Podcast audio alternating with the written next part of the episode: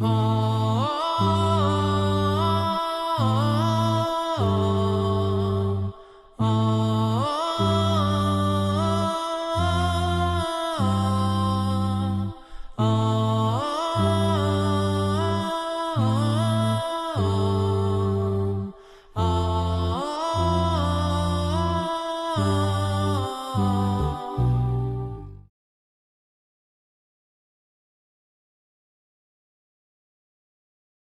Alhamdulillahi rabbil alamin wa salatu wa salamu ala rasulillah.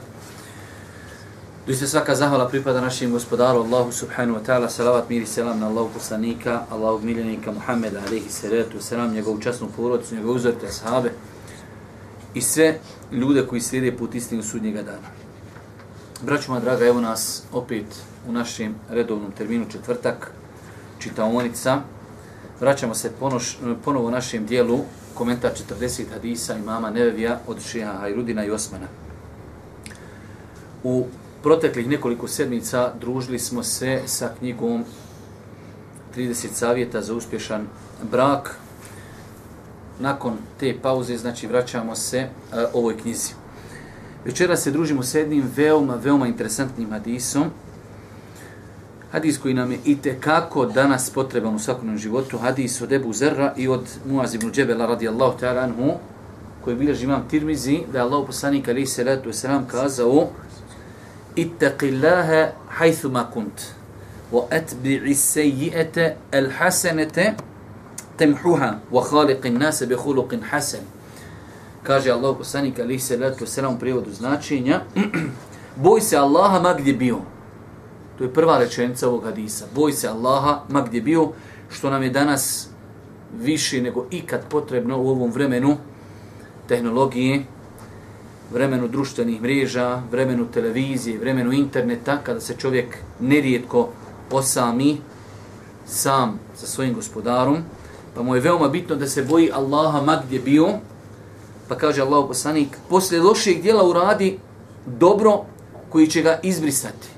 Kad uradiš loše dijelo, treba da ti bude životni menheđ, metod, da uvijek posle lošeg dijela uradiš neko dobro koji će to dijelo pobrisati. I treća rečenica, kaže Allah poslanik, i s ljudima se ophodi na najljepši način. Pošto imamo zaista mnogo toga kazati u ovom hadisu, e, ovi naši autori su zaista na jedan lijep način e, napisali biografiju i Ebu Zerra, radijallahu ta'ala anhu, i Muaz ibn Džebela, ali zaista ćemo mi to onaj preskočiti nešto oni to ne, zas, ne zaslužuju, zaista zaslužuju, ali pohladno nam je večeras, pa ćemo ako Bog da gledati da neke stvari skratimo. E, ovdje su nam autori naveli da ovaj hadis bilježi imam Tirmizi, Ahmed, Darim i drugi. Naveli su također da postoji jako razilaženje u pogledu vjerodostojnosti ovog hadisa. Pa su nam spomenuli činjenicu da imamo da je Hafiz ibn Hajar, Ših Albani, Šešuar Arnaut i još neki učenjaci ovaj hadis smatali ja, vjerodostojnim ili hasen dobrim. Ali je bilo učenjaka koji su ovaj hadis smatrali daif hadisom. Šta je bitno zapamtiti?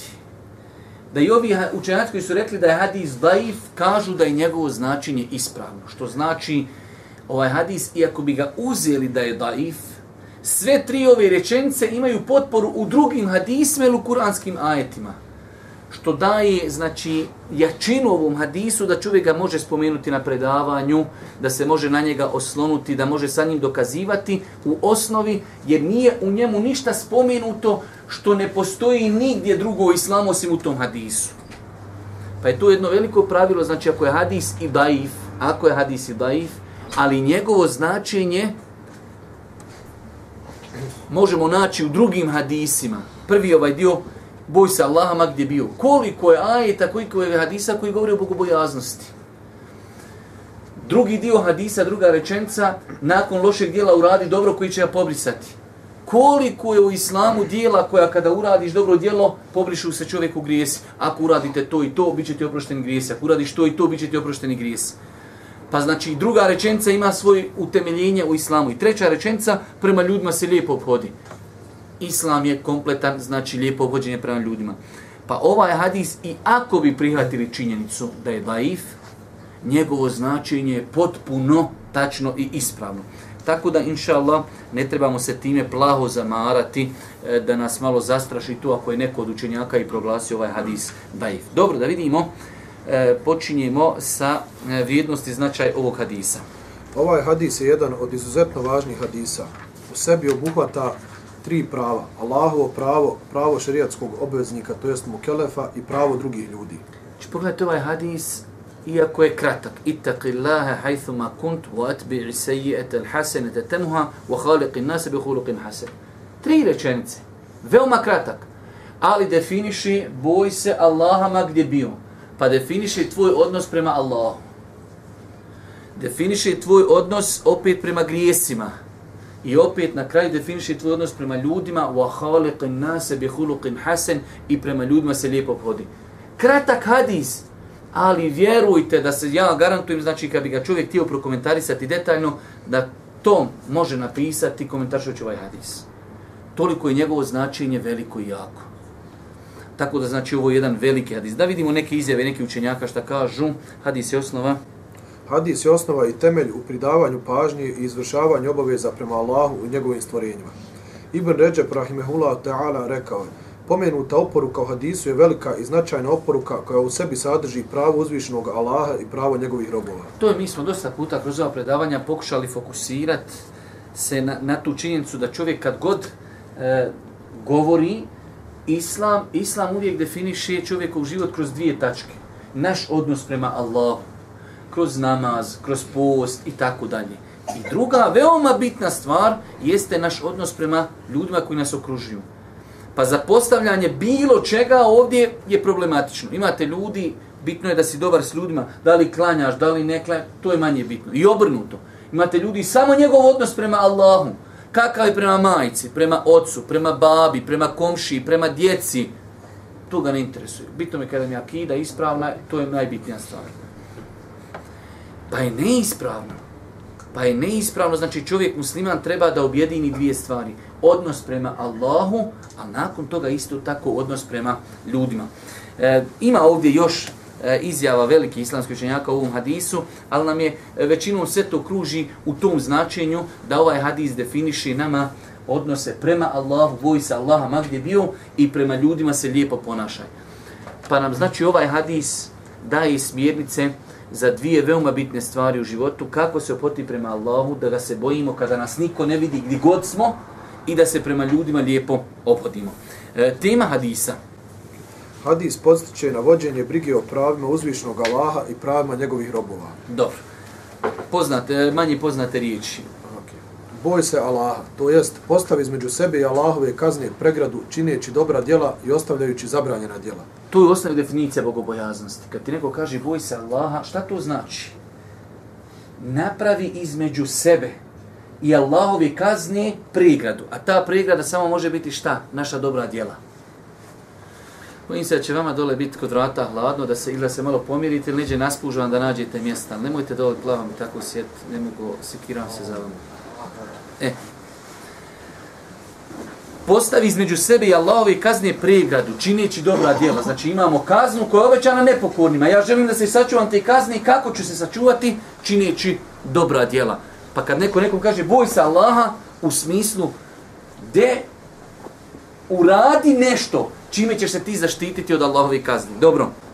Gdje god bio, to jest na kojem god se mjestu nalazio i u koje god vrijeme, sam bio ili bio u društvu drugih, gledali te ljudi ili niko te od njih ne vidio. Znaj da te uvijek Allah vidi pa ga se boj. Znači ovo je, braćo moja draga, jedna veoma bitna klauzula. Hajde kad neko kaže boj se Allaha, ok, boj se Allaha. Ali kad ti kaže ovu klauzulu, boj se Allaha, ma gdje bio, to sad dobije jedno novo, pazi, dođeš čovjek, kažeš, brate, boj se Allaha, da, boj se Allaha, kad, sad, i, ali kad mu kažeš, brate, boj se Allaha, ma gdje bio, to sad otvara jedna velika vrata, sam si, u društvu si, na poslu si, u zemlji si, rudar si, u avionu si, u kosmosu si, ne vidite niko, boj se Allah, ma gdje bio. Pa je znači ova klauzula veoma bitna klauzula. Dobro, dalje. Poslije lošeg djela, poslije grijeha kojeg učiniš tako što ostaviš neko naređeno djelo i učiniš neko zabranjeno djelo. Znači čovjek u životu može uraditi nešto loše na dva načina. Ili da je uradio nešto što je zabranjeno, ili da je ostavio nešto što je naređeno. Obodvo je to grijeh. Ili imaš zabranu, ti je prekršiš. Ili imaš naredbu, ti ne učiniš. To je loše dijelo. Eh, uradio sam loše dijelo, ne daj Bože, da vidimo šta je rješenje.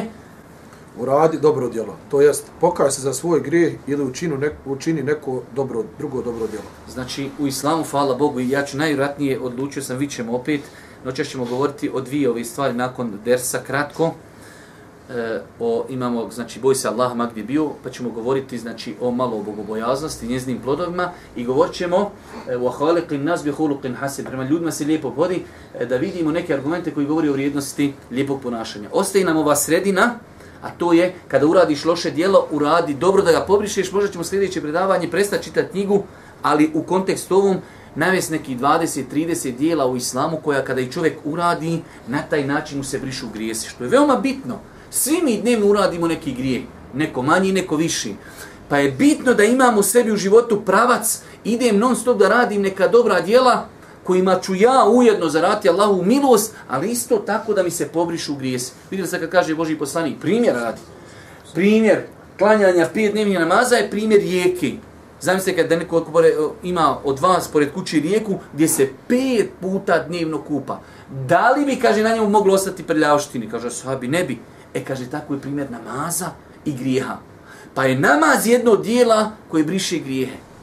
Namaz je jedan ibadet koji briše grije. Imamo, alhamdulillah, u Kur'anu i sunnetu desetine, desetine dijela. Učenjaci pisu, pišu zasebna dijela, velika dijela, tomove, dijela koja brišu grijehe.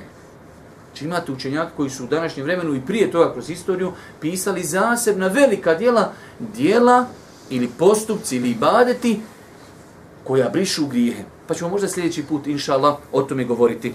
Ali u svakom slučaju to je jedna velika blagodat, to je u islamu čovjek može se pokajati za grijeh, a može i urati druge sevape, dobra djela koja će auto, automatski pobrisati e, grijehe. Imate onaj najpoznati slučaj koji nam praktično to pojašnjava da je došao čovjek Božijem poslaniku, a samo što nije pošao učiti kamet. Kaže Allah poslaniće, uradio sam grijeh. Pa Boži poslaniku se nije ono puno posvijetio, osvrto se, proučeni kamet, pa je čovjek opet došao posle namaza, Allah poslanicu radio sam grijeh. Kaže, sti klanio s nama? Kaže, jesam. Innal hasenat yudhibne sejat. Allah kaže u Kur'anu, doista dobra djela, brišu loša djela. Pa u islamu postoji mnogo dijela koja brišu grijehe, a insan, mu'min bi trebao da poznaje ta dijela svakako kako bi, ako Bog da, putem tih dijela očistio mnogo grijeha koji počini. Dobro, dalje. Koje će ga izbrisati, to jest koje će biti razlog brisanja grijeha iz listova meleka pisara i ostaviti loše posljedice grijeha na tvoje srce. Znači čovjek kada uradi neko dijelo, pobriše mu se određeni grijeh koji je počinio i koji su bili zapisani. Dobro? Lijepo se prema ljudima obhodi, to jest čini im dobra djela i ostavi se loših u obhođenju s njima. Odnosno, obhodi se s njima onako kako volio da se oni obhode prema tebi. Time će se vaša srca zbližiti, riječ ujediniti i stanje popraviti. Znači, braću moja draga, ova naša vjera je tako mi Allaha blagodat.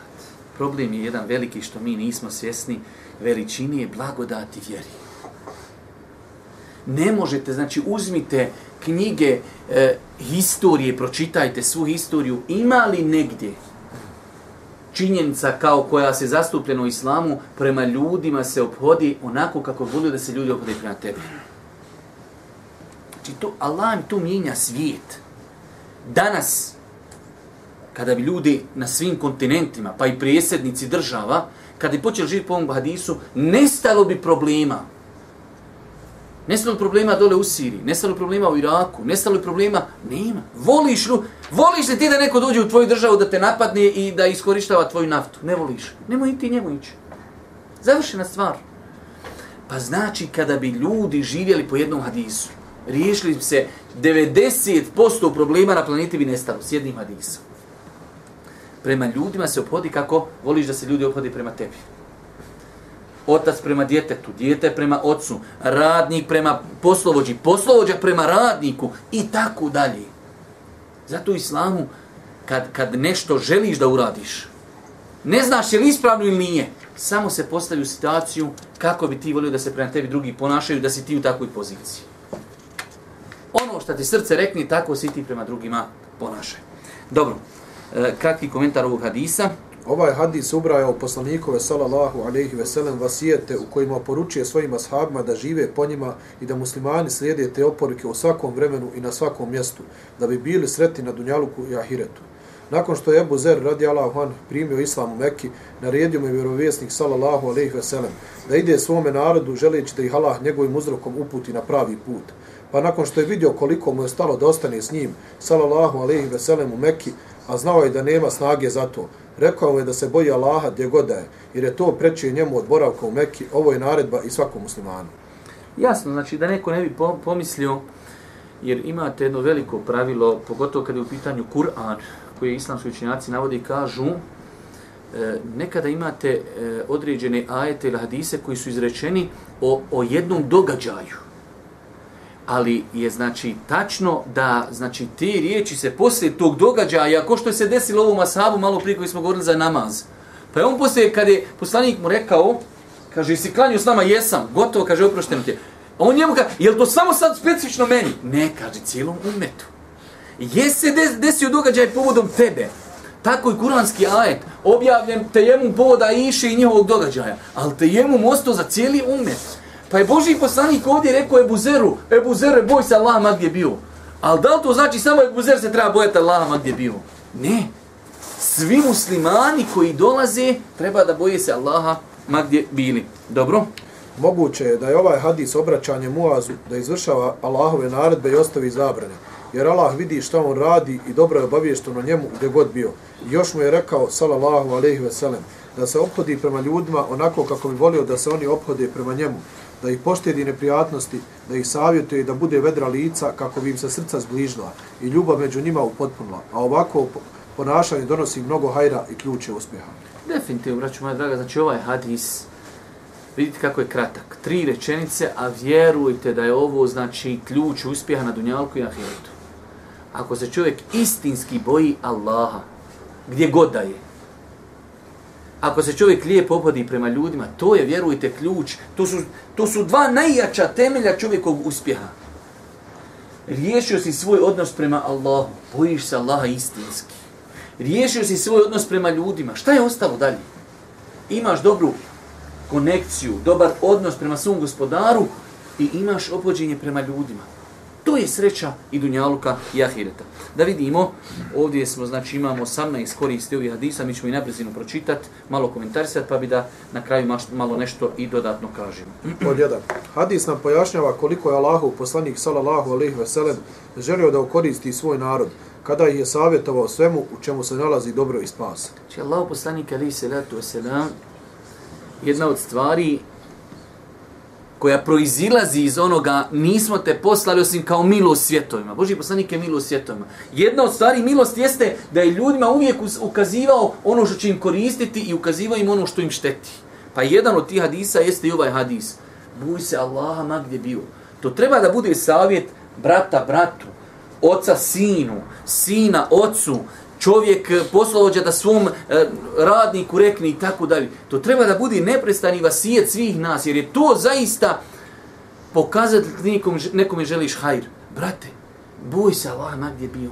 Ne govorim ti ono e, cinično, boj se Allaha, brate, šta to? Ne, brate, hoćeš put uspjeha. Onda put uspjeha je boj se Allah gdje god da si. I vidjet ćete, iako ima, kako se sjećam na bosanskom knjižica od šehu Sejmina, e, koristi bogobojaznosti, ajeti koji govori o bogobojaznosti. Posebna dijela imate napisana vrijednost bogobojaznosti. Nema, nema ništa bolje što možeš u životu imati da si bogobojazan. Ali istinski bolje.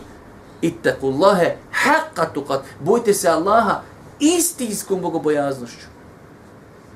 Ključ, vjerujte, uspjeha na dunjaluku jeste da čovjek očisti nijet i iskrena veza bude između njega i Allah. Dobro, broj dva. Broj dva. Hadis sadrži u sebi tri velike poslaničke oporuke.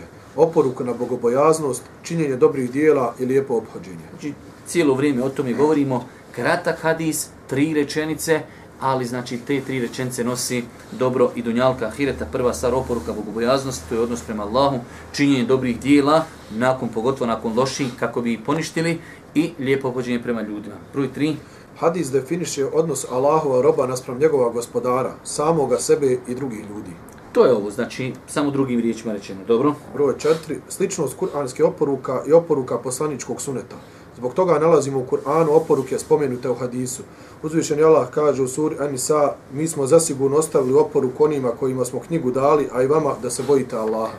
To je ono što, što znači, mislim da je to bio cilj, a ne mora znači da je, znači ne možemo ulaziti u namjere, ali naši ovi autora, kad smo rekli da ima uleme koja je rekla da je hadis daif, ali smo rekli da je njegov znači ispravno, eh, želi sad da to potvrdi ovdje. Koliko je drugih kuranskih ajeta, kao što je Allah poslaniko poručio bogobojaznost, pa smo rekli da je hadis možda malo i daif, ali evo imamo jasan kuranski ajet, mi smo poručili i onima prije vas i vama da se bojite Allaha. Pa znači, e, ovaj hadis, i kad bi rekli da je daif, ali njegovo značenje je apsolutno tačno, jer znači poziv na bogobojaznost, ne samo da je prenesen u ovom hadisu poslanika od Ebu Zerra, već je on, znači, potvrđen Kur'anom i potvrđen sunnetom Božih poslanika, ali se letu selam. Dobro? Broj 5. Hadis jasno ukazuje na obaveznost bogobojaznosti, odnosno postavljanje zaštite između sebe i Allahove kazne u džehennemu, tako što će se činiti dobra djela, a ostavljati loša. Znači, šta je tu u osnovi bogobojaznost? Ovdje djelimično se o tome govori. Bogobojaznost je da spoznaš propise i da se toga pridržaviš. Znam da je nešto haram, to ne činim. Znam da je nešto naređeno, to činim.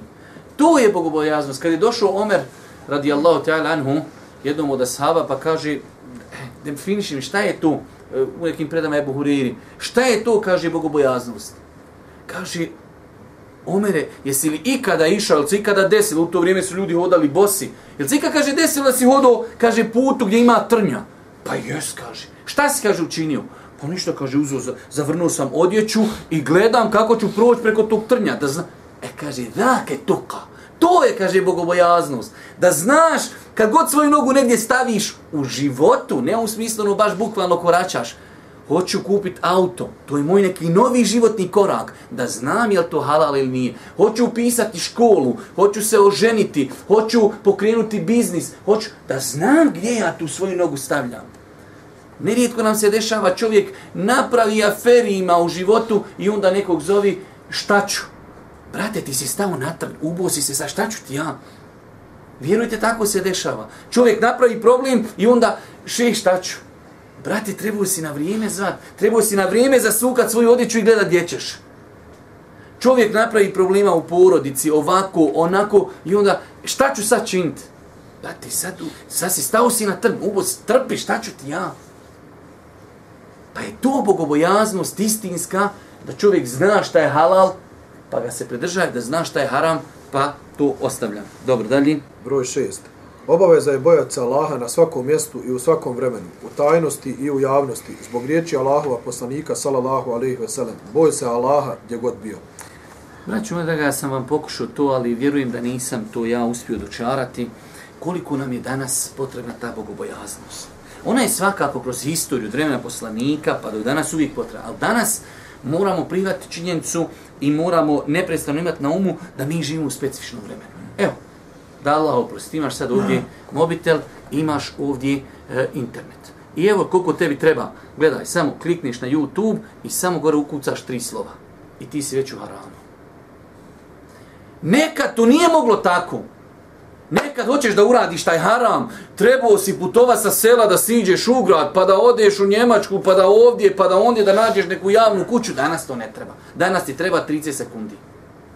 Danas šeitan treba samo da te 30 sekundi operiše i da ti, oh, gdje sam? Eto te. Danas ti treba to ko nikad u životu. Boj se Allaha, ma gdje bio. Danas, eh, znači čovjek radi, mogućnosti varanja, prevare, znači neka čovjeka čuješ kako ljudi, kako ljudi izmišljaju načine varanja. Ja sam čuo metod, da Allah oprosti, žao mi što to moram reći pred kamerom, a možda nije dobro da rekli. Čovjek svoju ženu udaje za druge ljude dođu, dođu ljudi u, u, u, u, u turizam i on kaže ima jedna sestra fina, lijepa, bil se ženio bi. Njegova žena, čoveče. Fina, sviđa mi se tam vam, mehr je 20.000. Hm. Čovjek se sa njom zatvori, on odi se istuširati, ona pobigne, ovaj, halo, pobigla mi žena, ne znam ja kaj ništa, ona je ošla, zdrava, prava, dže, nemam pojma. Čovjek svoju ženu udaje za druge ljude da zaradi novac tako. Ja, rabčoć. To je šetan sjedio, pa zošakno šetanu, pa ovaj svom, pa ovaj, minimalno njih šest mora biti u lancu, da je šesti došakno to njemu. To ne može ići nakon od šetan da njemu to došapne. To i za šetane komplikovana matematika. To njih šest je moralo glabat, glabat, glabat, pa moglo bi ovo proći. Daj ga. Kako ljudi, znači, da ne govorimo o internetu, čovjek sebi nadje ime Allahova sablja, Hald ibn Velid, Omer ibn Hatab, i taj čovjek ode, razumiješ, vidio si Safeta Kuzovića, stavilo mu na glavu kafir.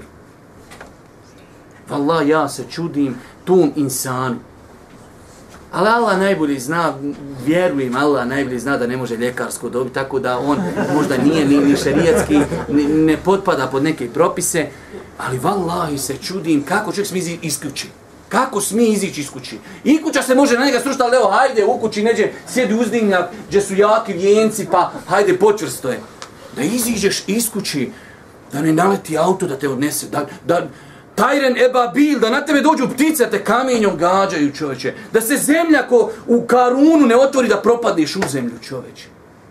Ali on konta, ja sam Halid ibn Velid, ja mogu lupa šta. Halide, meleci ne pišu Halid, rekao, ti si, oni pišu tvoje ime čoveče. To što si ti obuko dres pišeš Halid ibn Velid, to ti je dodatni grije. Što prljaš njegovo ime čoveče. Znaš ti ko je taj insan? Znaš ti koliko je stotina kilometara taj čovjek prepješačio na Allahovom putu? Ali ibn Velid i uslika se tamo slavom i evo me ja smijem pričati šta hoću. Pa te danas ko nikad, definitivno ko nikad. Vidio si, ja dođem neka čoveče, djeca odu na neke oni e, strance gdje se crtići, oni gledaju besplatno. Paša ti, kada klikneš na jedan crtić, on tebi otvori 20 porno stranica. I ti tada, one su već otvorene u tvom kompjuteru. Ta paša, znači, to je stoti dio sekunde samo slabosti. Mislim da vidim sekundu. Puf! Gotovo. Možeš izgubiti dunjalke ahiret zbog toga. To nije prije bilo tako. Sad je to tako. Imaš še, ovo ti je sad vreća šetan, ali su svezani. Sad je sam pitanje još i ti odvezat, paša. Valaj, ovo je vreća, ovo je vreća dobra. S ovim možeš uraditi sevapa, da ljudi u prijašnjim generacijama, kad bi živio ko Nuh, ali se vam ne mere urati hajra, šta ti imaš urati sa mobitelom hajra. Pošalješ poruku ljudima, ljudi primi islam zbog tebe. Ljudi ostavi harame zbog tebe. Iš, hajra, more. Ali ovo vreća šeitana. I sad je njima samo bitno da prokopaju ko jeđu uđi među, sam da izlete, paš, da te ufate za glavu sestra ti pošelje cvjetić, uslikala se, drži ružu i za ruže. I ja, rab, da mi je Photoshop, sam da mi ruže sklonim da vidim tu huriju. Iz nje izbija kakao ovaj gore svjetlo, iz nje izbija, ona je se našminkala, iz nje izbija. Ja, rab, sam da mi da je vidim. A ona je takva da bi ona skočila otuda na tebe. Paša tu ako nema čega. I te la, aj su ma kunt, paša. Tu ako nemaš tog senzora, završena stvar. Pa nam je ovaj hadis danas potreban ko nikad. Prija, ne možeš slagati ljudima, ne možeš se vlažno predstavljati. Danas fino imaš, prija, ako si budala, sam ti dvije komšije znaju da si budala, mama i babo, to je to. Sad kad si budala, ljudi u Americi s tobom imaju problema, čovječe.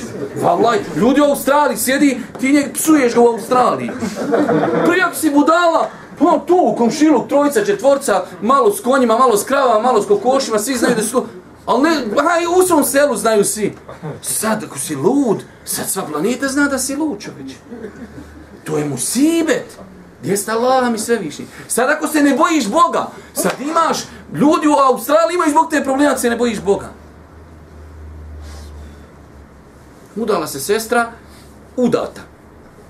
Ja, rab. Pa je znači danas ko nikad ovo potrebno boj se Allaha, ma gdje bio.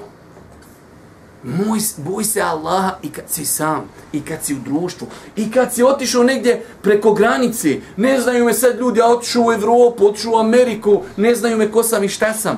Ko što, da Allah oprosti, ne, ne govorim negativno uvijek, ali Kod Arapa ti je običaj određenih država. Dok je u svojoj državi sve, ode u inostranstvo, alkohol, blud, droga, vraća se kući, ništa, sve okej. Okay. Ja svojim sam očima gledao koliko ćeš puta žena dolazi u avion, ulazi crno, sve završeno. U Turskoj izlazi, to je koma nekinka. Nema kakav hijab, ja hijab je smotan u kesi i ta kesa se ostavi na aerodromu neđe za vrata, kad kreneš kući opet iza vrata. Pošto mi prija kad smo išli u školu, pa rudarke obučeš, obučeš, staviš u kesu, kad siđeš na cestu, onda patike obučeš, rudarke staviš tamo u, u grm. E tako ti ona hijab stavi neđe u grm, kad krene opet kući daj hijab i ona opet na aerodrom. Tu sada dođe neki naš ah iz Bosne da i vidi dol na aerodrom. Vau, ovo je sabika. Čekaj, baša da vidiš kroz vreme plov da proveti dole do Istambula. Kakva sabika čoveče, dokle ona ošla. Pa ti treba takvaluke kad si mimo svoje države. Kad si u zemlji treba ti tako, kad si u avionu treba ti takvalu. Dobro, dalje. Broj 7. Prethodne riječi Allahovog poslanika, salallahu alaihi wa sallam, postiću nas i na svjesnost o Allahovom nadzoru u tajnosti i javnosti. To je poenta. Boj se Allah ma gdje bio. Znači i tajno i javno da se... A šta je bogobojaznost u osnovi? Obožavanje Allaha ko da ti njega vidiš jer on tebe vidi non stop. To je, to je suština bogobojaznosti. Ko što je došlo u onom hadisu Džibrila Ihsan.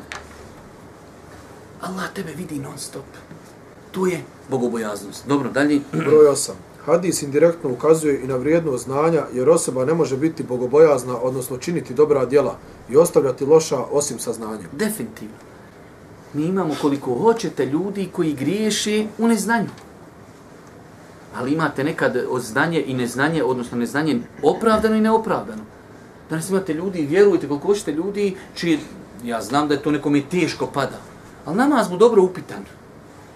Dobro upitan ti je namaz bio od 70. do 80. Nisi imao niđe naučit, nisi imao gdje čut oke. Ošao komunizam, sad imaš knjige, časopisi, internet, predavanja, sve to. Ne, ne, ja tako sam ja naučio prije 80 godina i tako mora biti.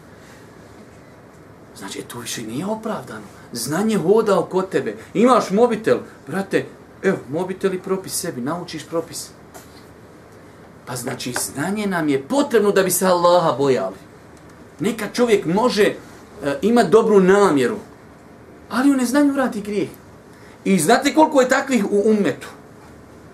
Koji žele hajr. Možda imate ljudi koji kruže oko, oko kaburova, on u osnovi misli da je u hajru. Ljudi u novotarijama, možda misli da je u hajru. Ali ga šetan zezno gdje? Nema znanja. Pa je znanje osnova da bi se čovjek bogao, mogao bojati Allah Đelšanu. Devet. Nakon što se uradi loše djelo, trebalo bi požuriti s činjenjem dobrog djela, jer će ga ono pobrisati. Ovo bi čovjek trebao da uzme sebi kao, kao neki menheđ, kao neki pravac u životu, da ako se desi da uradi neki grijeh, da požuri, da pohiti, prva stvar da se pokaje Allah Đelšanu, s, druga stran, s druge strane da pokuša da to nadomjesti, da dadni sadake, da klanja noći namaz, da dovi, da uradi neko dobro djelo, da uradi neko dobro djelo s kojim ću za Allah pomoć pobrisati taj grijeh koji je učinio. Broj 10. U hadisu se nalazi poticaj na borbu sa samim sobom, jer se od nas traži da kad god po, po, e, počinimo loše djelo, da odmah nakon njega učinimo dobro. Borba sa samim sobom, odnosno nadzor, ta muhaseba, da čovjek ne bude ono uradio loše djelo, ono ništa ne primijetim, ne osjetim, ne, da sam sebe pod navnim znacima kritikuješ, da sam sebe pratiš, a ne uzbila uradio sam grijeh.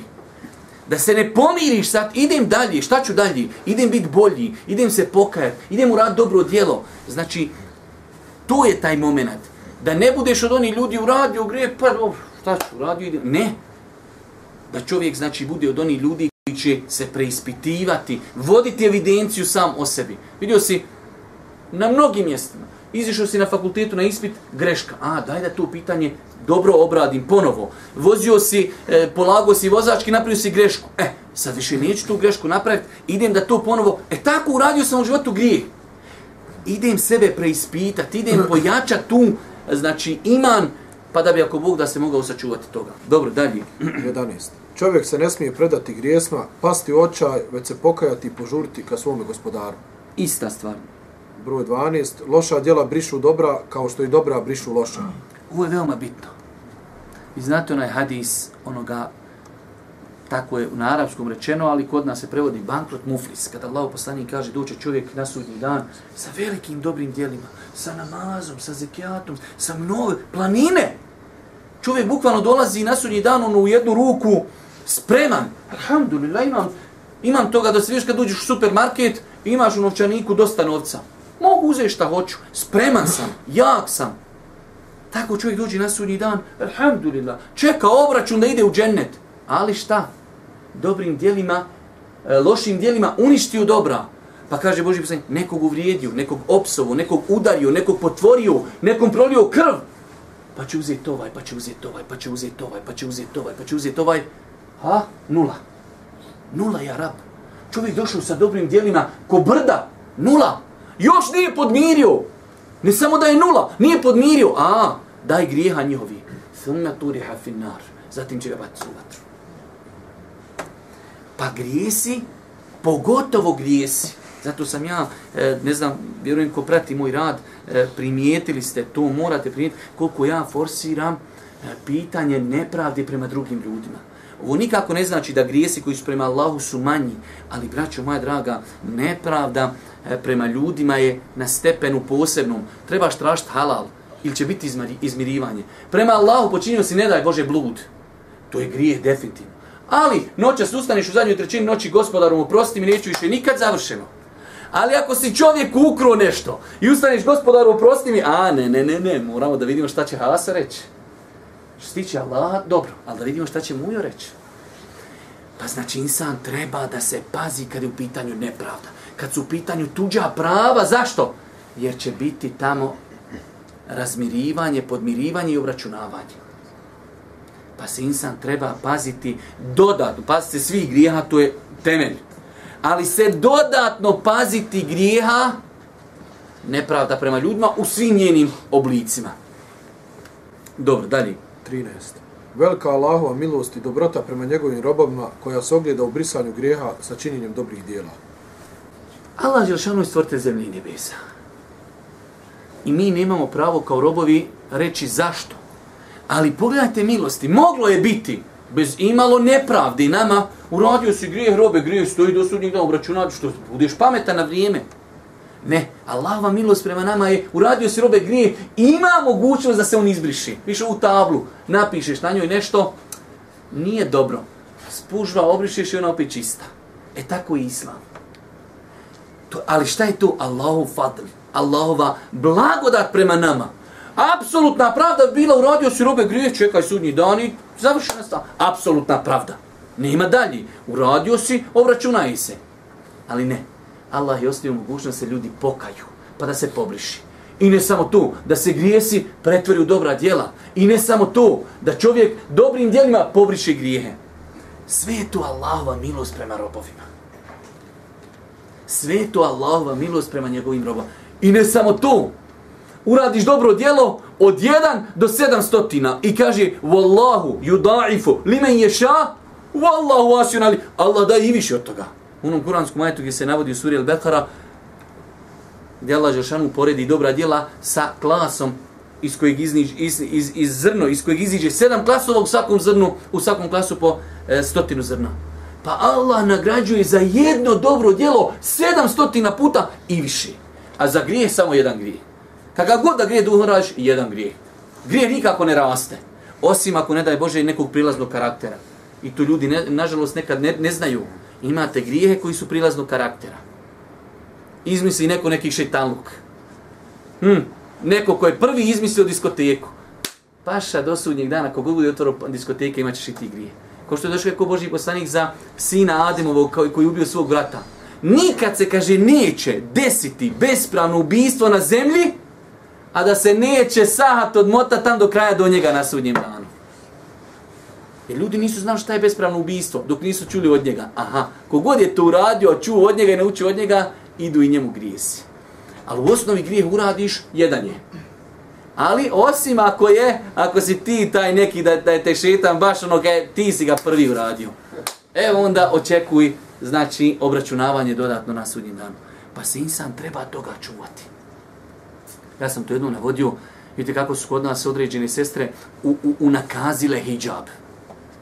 Do prije rata je bilo žena koja je pokrivena, pokrivena. I kad je pokrivena, nema šta zezat se. Pokrivena i završena sa. Sad, sad je više došlo vrijeme da Allah oprosti, da je veoma teško vidjeti ženu pokriveno, normalno pokrivenu. Neđe nešto fali. Ili je to strukirano, ili je to našminkano, ili je to turbanku talibana, ili je to suknja hlače, ili je to, ili je to kratko, ili je to usko, ali veoma rijetko neđe žena nosi džilbab i mahram. To, to ti je sad e, veoma rijetko. E, Boga mi oni koji su prvi počeli praviti modni revi od hijjaba, ima da ih čeka na sudnjem danu. Ima da ih čeka, definitivno. To je pravednost Islama. To što ti hoćeš da umotaš Islam u celofan Evropa, pa šta će mi reći na poslu, pa šta će mi reći na aerodromu, pa da se malo našminkam, pa da se malo zategnem, pa da se malo utegnem. To, ni, to su neispravno opravdanje. Pa insan treba da se pazi, da ne daj Bože ne bude od ljudi koji su uveli određene stvari, oživjeli neke stvari koje ljudi nisu prija znali. Boga mi će biti obračuna. Dalje. Broj 14. Hadis kod vjernika razvija osjećaj straha od Allaha i nade u njega. Bogobojaznost postiče vjernika na strahu od uzvišenog, dok brisanje greha dobrim dijelima postiče vjernika da se nada svome gospodaru, a strah i nada su posebna djela srca.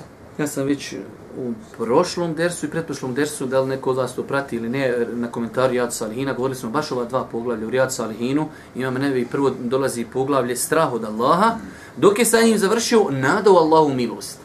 Pa je takav čovjekov život, i to je ispravan život, da čovjek se nada, bez obzira koliko god da pogriješiš, da kažeš, Allah je milostiv, Allah, Allah, Allah je milostiv. Ja ako ništa imam teohid, imam, imam monoteizam, imam, e, vjerujem u Allaha, rekao sam la ilaha illa, trudim se. To je ono što ti daje nadu, ali s druge strane, imam grijeha, šta ću, kako ću, pa da to bude nešto što će te balansirati u životu. Ne da, ja sam rekao, alhamdulillah, la ilaha illallah, pa nesi paša. Ma, inša Allah, Allah je milostiv, Allah oprašta, Allah je... Allah oprašta kad mu se približavaš na način da tražiš njegovu milost. Ama ti tražiš Allahovu kaznu. Pa insan treba znači da bude jednostavno da balansira svoj život, da se nada, da moli, da čezni i tako, ali isto tako da strahuje, da strahuje od svojih grijeha. Vidjeli ste u islamu, veoma lako, čovjek sklonuo granu s puta, trn. Allah ga uveo u džene zbog toga ali čovjek, žena, zatvorila mačku, krepala mačka, odžeđi, hop, u džehennem. Zato je Boži poslanik kaže u rodosnom hadisu, džennet je nekome od vas bliži nego kajševi njegovi na nanulama. Ali džehennem je, kaže, isto tako blizu. To je balan, kad ti sam rekao džennet je blizu, alhamdulillah, džennet je blizu, im se sam je bitno da uletimo. Ali pa što vršu leti u drugu stranu. Pa te to balansira u životu. Strah i nada. Dobro, dalje. 15. Obave, obaveza je svim Allahovim stvorenjima obhoditi se na lijep način shodno njihovom stanju, te da se otklanjaju neprijatnosti od njih. Definitivno, dalje. 16. U hadisu je pojašnjenje koliko vjera Islam posvećuje pažnju među ljudskim odnosima. Govorit ćemo poslije o tome, definitivno mi smo uvijek kroz ova naša predavanja pokušali e, da e, istaknemo tu činjenicu. Nerijetko nam se dešava da nam ljudi žele nametnuti percepciju vjeri, vjera je tvoj odnos prema Bogu. U džami si kad iziđeš ti na pijaci, ne treba se primijeti tvoj islam. Na radnom mjestu, na ulici, u vožnji, u avionu, ne, ne, ne. Tu smo svi isti. U džami si ti muslima. Ne, ne, ne. To je, to je katastrofa, to je ubijstvo, to, je, to ne može se definisati šta je to.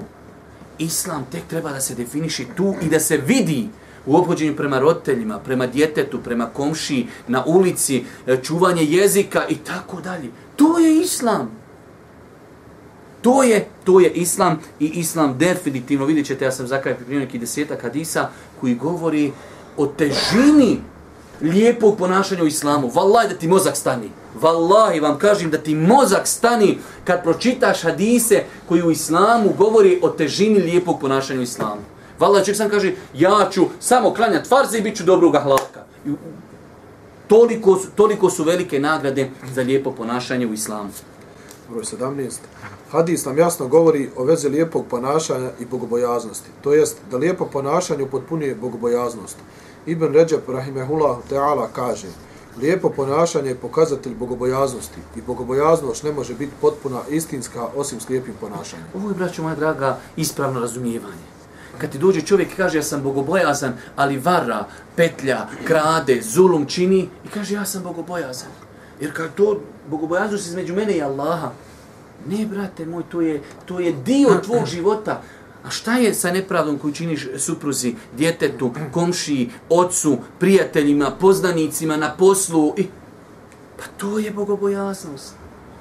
Pa znači, e, naše ponašanje i bogobojaznost su u uzročno-posljedičnoj vezi. Nemoguće nikakve, ja sam bogobojazan, na svakom koraku činim zulom ljudima. Nemoguće, paš. Nemoguće. 18. Hadis nam govori o sveobuhvatnosti naše vjere koja tretira sva životna pitanja. O tom smo znači govorili da ovaj hadis e, objedinjuje naš odnos prema gospodaru i naš odnos prema e, ljudima. Za kraj ja ću, nako, volio sam malo nešto interaktivno da malo i vas pitamo, ali nijemo vremena. E, volio sam, pošto prvi dio ovog hadisa govori o bogobojaznosti. Nerijetko nismo svjesni šta sve sa sobom nosi bogobojaznost. Valjda kad čovjek bio, ali ono pravo svjestan, svakog dana kad ustane uzme papir na kojem će pročitati koristi bogobojaznosti, vjerujte da, da, da se promijenio njegov život. U odnosu prema supruzi, prema djeci, prema komši, prema poslu, prema Allahu i tako dalje. Pa primjer radi prva stvar, fa inna Allahe yuhibbul muttaqin, doista Allah voli bogobojasne. Treba li ti Allah ti veća satisfakcija da se ti u svom tom trudu, kad ti se trudiš da budeš bogobojazan, da znaš da ideš putem da te Allah voli. Vidio si koliko neka čovjek maštaš da te zavoli roditelj, zavolite supruga, zavolite dijete, pa se trudiš, pa sve. A to su prolaznici. Dunjaluš, šta misliš da radiš dijelo koje vodi ka ljubavi uzvišenog Allaha? A najbolji put jeste bogobojaznost. Pa primjer radi druga stvar, pomoć od Allaha, kaže uzvišeni Allah, inna Allahe ma'alladhine taqav, doista je Allah sa onima koji se Allaha boje.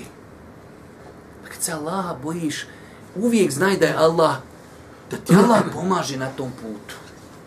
A Boga mi s druge strane, kad okriniš, kad okriniš na drugu stranu činiti grijehe, onda ne očekuj osim, ne daj Bože, nešto loše. Isto tako, kaže uzvišeni Allah, in tettakullaha yaj'al lekum furqana, Ako se vi budete Allaha bojali, ako se budete bojali, šta je odgovor? Allah će vam dati, podarit će vam furqan. Šta je furqan? Da razlikuješ istinu od neistine. Allaha mi svevišnjeg. Da nema bogobojaznost, a ima stotine koristi, da nema drugu korist osim ove dovoljnuti. U ovom današnjem vremenu, vremenu izazova, grijeha, e, interneta, problema, iskušenja, pocijepanosti umeta, e, frakcija, I svi, ja sam u pravu. Dođu ti šije, psuju Ebu Bekra, on je, ovo je hak, ovo je istina, ovo je. I imate bošnjaka, odu za njima. Pa svi kažu, mi smo u pravu. I svi bajak imaju neke dokaze. I u današnjem vremenu da ti kažeš, ja vidim Allah mi vidim jasno istinu od neistine, ko što se dan od noći razlikuje jedan od načina i da je zbog ubojaznost. Da budeš iskren prema Allahu. Intetekul, ako se vi budete Allaha bojali, neću da, da pogrešno me shvatite. Definitivno čovjek može biti u datom momentu bogobojazan pa popustiti. Ali kada vidite čovjeka da je u datom momentu bio jak, sve, i nakon toga ga vidite da je popustio, neklanja, žena, ovo ono, znajte da je počelo od otuda. Definitivno zakazuje u ovom momentu. Pa zakazuju bogobojaznosti, pa mu je Allah dao da mu, da mu se ispreplete istina sa neistinom. Isto tako, Allah Žešanu u suri e, Tala kaže وَمَنْ يَتَقِ اللَّهَ يَجَعَ لَهُ مَخْرَجَ وَيَرْزُقُ مِنْ حَيْثُ لَا يَحْتَسِبْ Ko se bude Allah boju, Allah će mu dati izlaz. I obskrbit će ga. Mi imamo najveći problem na planeti, obskrba. Ha, Allah kaže, i Allah će te obskrbiti ali tvoje šta? Omen je takilla, ko se Allah budi boju. Isto tako,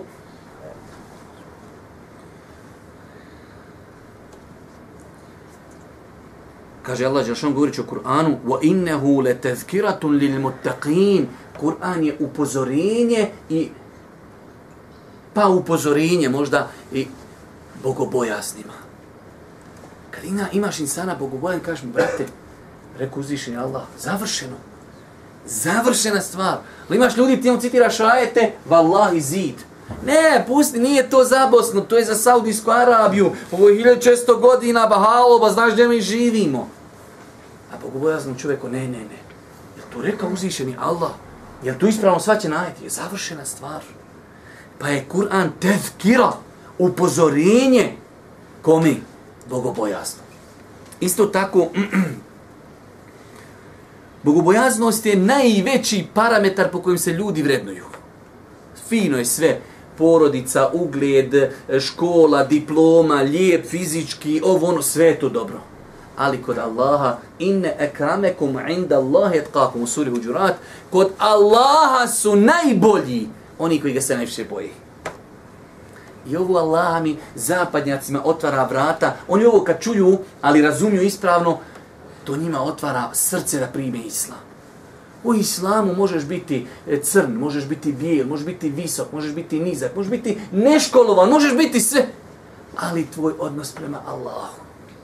Zato je došlo u onom hadisu kada je Allah poslanik ali se ratu sa jedne prilike sjedio s čovjekom, pa je pored njih naišao onako čovjek ugledan, lijepo obučen, sve. Pa kaže sam, šta mislite o njemu? Kaže Allah poslanik, Vra, nema dalje taj čovjek ako ode, kaže, negdje prosi djevojku, eho, evo došao onaj bogati s Mercedesom sa, u Švedskoj, pašoš, gore ima boravnu vizu, vodi, vodi, vodi, ne gledaj mu zube, kakvi su socijalni ili su pravi. Kaj poslije će taj ako dođe, Naišao poslije siroma, e, pocije, pan šta kaže to mi? Taj kad ode prosit, mm, golfom dvojkom došao, voz, voz. Kaj tako, ode neće se zauzimati, on kao da se za nekog zauzme, ej, brate, aj pomozi ovomu. Bubi, ti si došao, plis na jedan voz. Kaže Allah, ali ovo je sad kaj Allah poslanik, ovaj, ovaj je bolji od onog malo prije, kad bi se onog malo prije puna planeta naredala. Šehul Islam ibn Temije kaže, ne postoji na planeti vrsta, vrsta, Znate šta znači vrsta? Imamo, znači, e, da li su to životinje, da li je ovo, da Ne postoji na planeti vrsta, na osnovu ovog hadisa, da jedna jedinka iz te vrsti može biti toliko bolja od druge jedinke kada bi naredio cijelu planetu, osim čovjek. Ne postoji, evo uzmi, lav. Da je toliko skuplji od lavova kad bi se naredio, ne, može biti skuplji od dva, tri lava, maksimalno pet ne postoji riba koja je skuplja od sto riba, ne postoji krava i tako dalje, osim čovjek. Jedan čovjek može biti bolji od drugog, kad bi se njih naredan nakučalo se cijela planeta, ovaj vam bolji. Jarak. Jarak. Još vidi ga, pocije, pa ne zna ga niko, ništa. Kaže Allah poslanik, leu akseme ala Allahi le barra. Ima, kaže, ljudi, kaže, vi me predajte pažnju.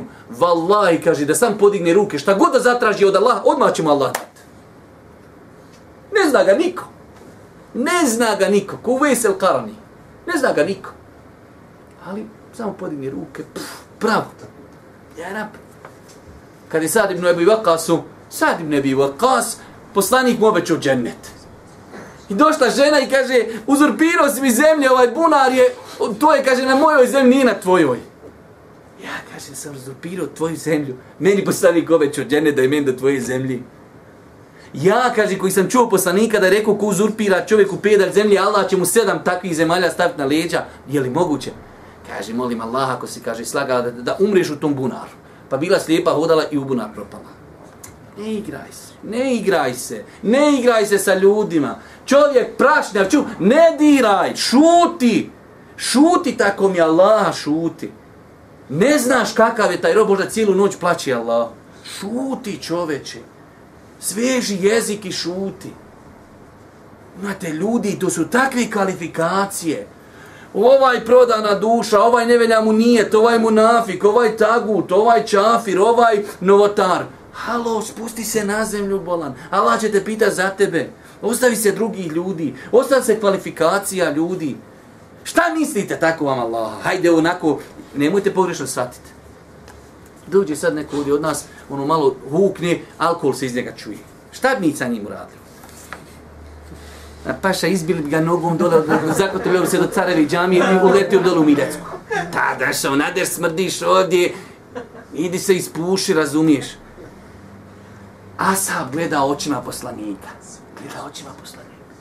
Dogodi ga jednom zbog alkohola, dva put, tri put, četiri, pet puta. Kaže jedan, halo, doka čoveče, poslanik, evo gleda, to zabranjuje. Da Bog, da ovako, da... Kaže Allah poslanik, nemoj pomaga šetana protiv njega. Ja ne znam o njemu ništa osim da voli Allaha i poslanika. Jer, u nas toga nema. U nas je, moraš razmišljati ko ja sto posto, ili mimo toga ti si protiv mene čoveče. A pa, pa pije i kako? To nije opravdanje alkohola, nikako. Ovo nije poigravanje sa grijesima. Ali kaže Ibnul Kajim, rahmetullahi alihi, ima ljudi koji će u džennet ući zbog grijeha. A ima ljudi koji će zbog sevapa ući u vatru. Uradi čovjek grijeh i čitav ga života i grijeh kopa.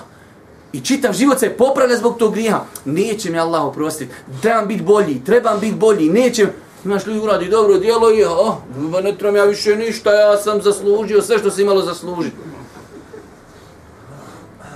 Pa nekad grijeh može biti koristan. Ovo ne, nikako ne znači pozivanje u grijeh.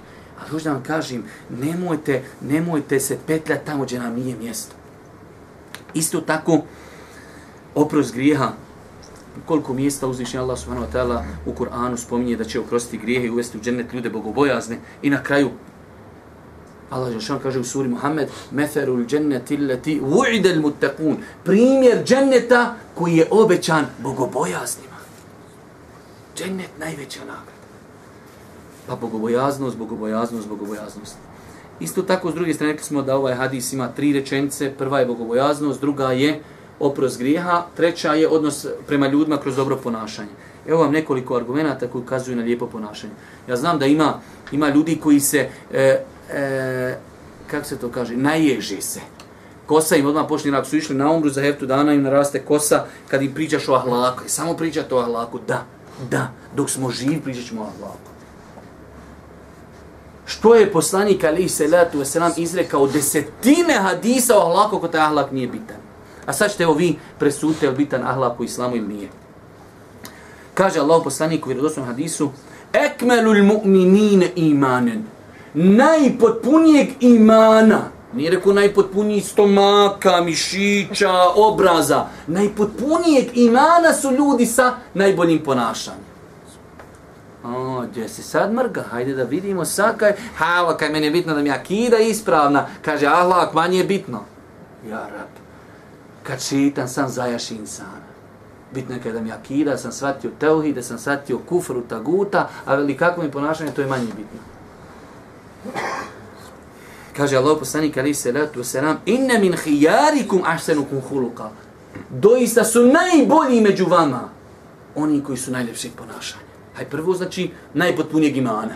Šta ti treba bolje ako si potpunog imana?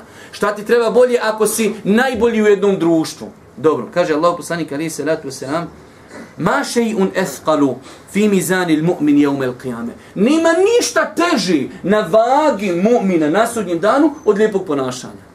Ja rab, jel nam u interesu da imamo teški dijela ili laki? Jel nam u interesu da imamo gibeta, nemimeta, potvore, zuluma, nepravdi, udavanja žena Arapima ili, ili hoćemo nešto teško na ahiretu? Najteža, kaže, min efkali, min najteže stvari, lijepo ponašanje.